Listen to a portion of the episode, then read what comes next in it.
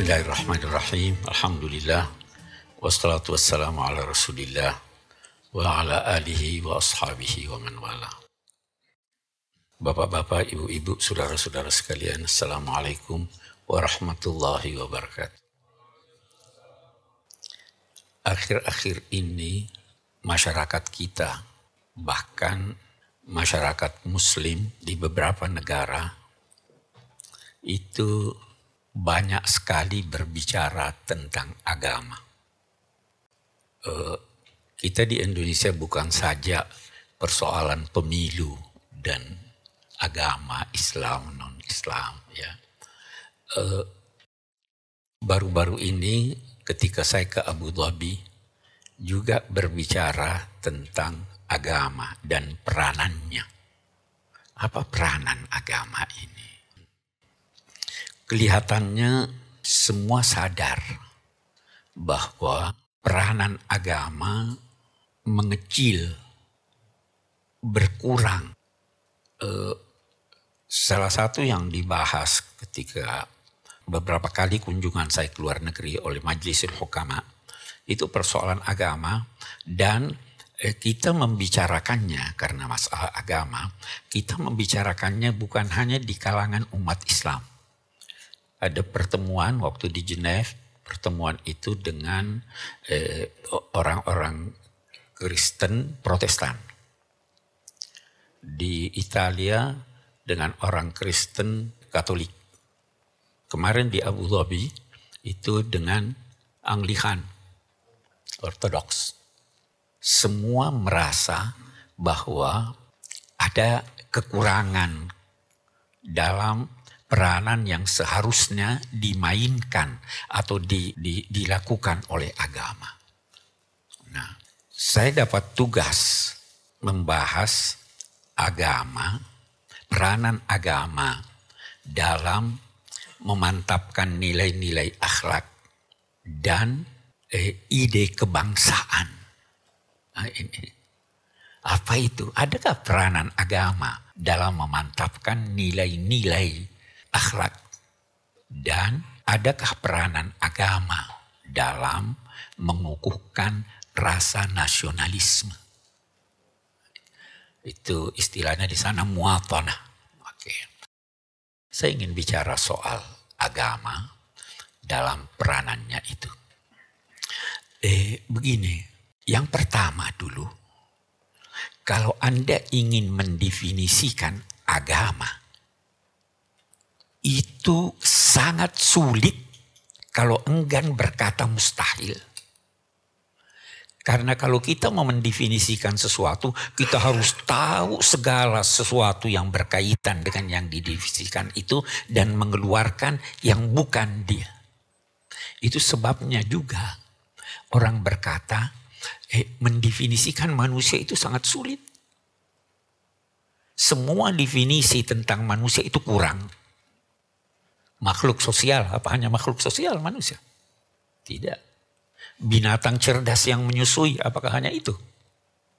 Terlalu banyak aspek kemanusiaan yang menjadikan dia tidak bisa didefinisikan dalam pengertian definisi yang benar atau yang menyeluruh.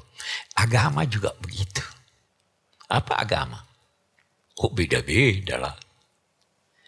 Eh, jadi Ketika di sana, saya katakan begini, tidak usahlah kita mencari definisi ilmiah tentang agama. Mari kita kembali ke bahasa.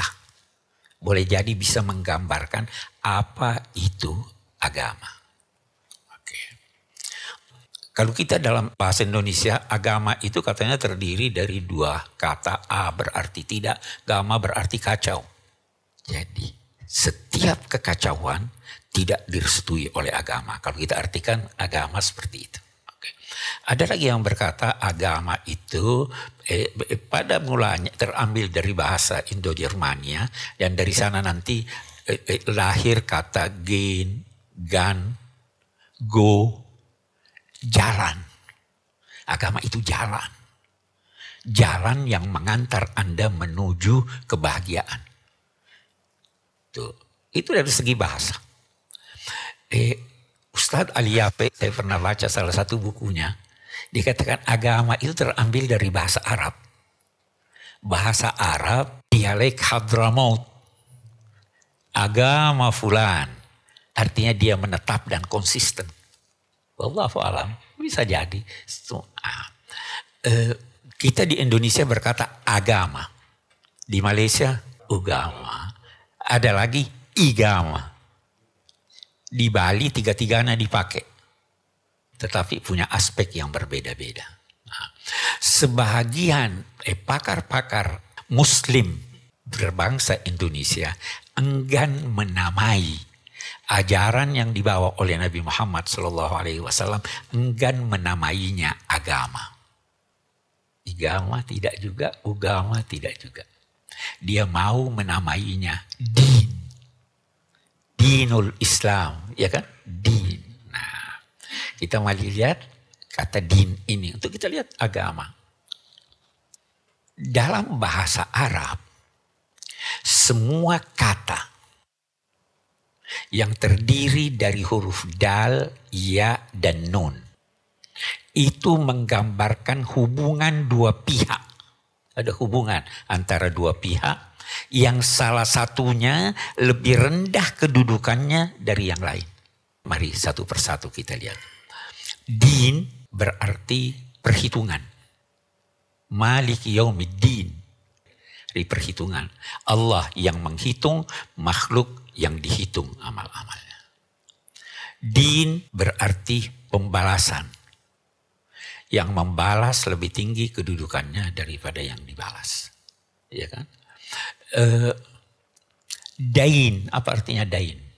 Hutang. Yang memberi hutang lebih tinggi kedudukannya daripada. Kesimpulannya, agama itu atau din itu adalah hubungan antara seseorang dengan pihak lain yang dia hormati, yang dia anggap punya punya uh, uh, fadl, punya jasa terhadap dia, dia hormati, bisa jadi juga hubungan itu karena dia takuti, jangan sampai dia membalas orang ini. Bisa jadi juga hubungan itu karena dia kagum kepadanya. Nah, kesimpulannya agama itu hubungan. Itu sebabnya ada ungkapan orang katakan hadis ad-dinul muamalah agama itu adalah interaksi. Semakin baik interaksi Anda, semakin baik keberagamaan Anda. Semakin buruk, semakin buruk keberagamaan Anda. Dan yang pasti kalau Anda tidak punya hubungan, Anda tidak beragama. Ya kan? Harus hubungan baik. Oke. Eh, eh, Poin ini ditanggapi banyak orang waktu saya sampaikan. Tapi pada akhirnya kira-kira bisa diterima lah. Karena apa? Saya katakan ini tinjauan bahasa Arab. Kita tidak tahu kalau tinjauannya religi. Tetapi yang pasti, yang pasti semua orang yang beragama itu agama apa pun namanya. Pasti dia mempunyai hubungan dengan siapa yang dia percayai sebagai Tuhan. Nah, itu juga sebabnya tidak ada agama yang tidak mengenal sholat. Pasti sholat, karena hubungan dengan Tuhan. Pernah di, pada masa Nabi itu ada orang-orang musyrik berkata, oke okay, kita mau masuk Islam, tapi kita tawar deh, nggak usah ada puasa. Nabi diam. Tidak usah ada zakat, Nabi diam. Tidak usah ada sholat, Beliau berkata, tidak ada baiknya satu agama kalau tidak ada sholatnya. Sholat itu mutlak. Itu juga sebabnya kata seorang filosof ahli ilmu jiwa Amerika itu filosof ahli ilmu jiwa William James dia bilang kita tidak bisa membayangkan bahwa satu ketika manusia itu tidak sholat. Walaupun ilmu pengetahuan datang membawa berita bahwa tidak ada gunanya sholat. Tapi pasti sholat. Ya, kenapa?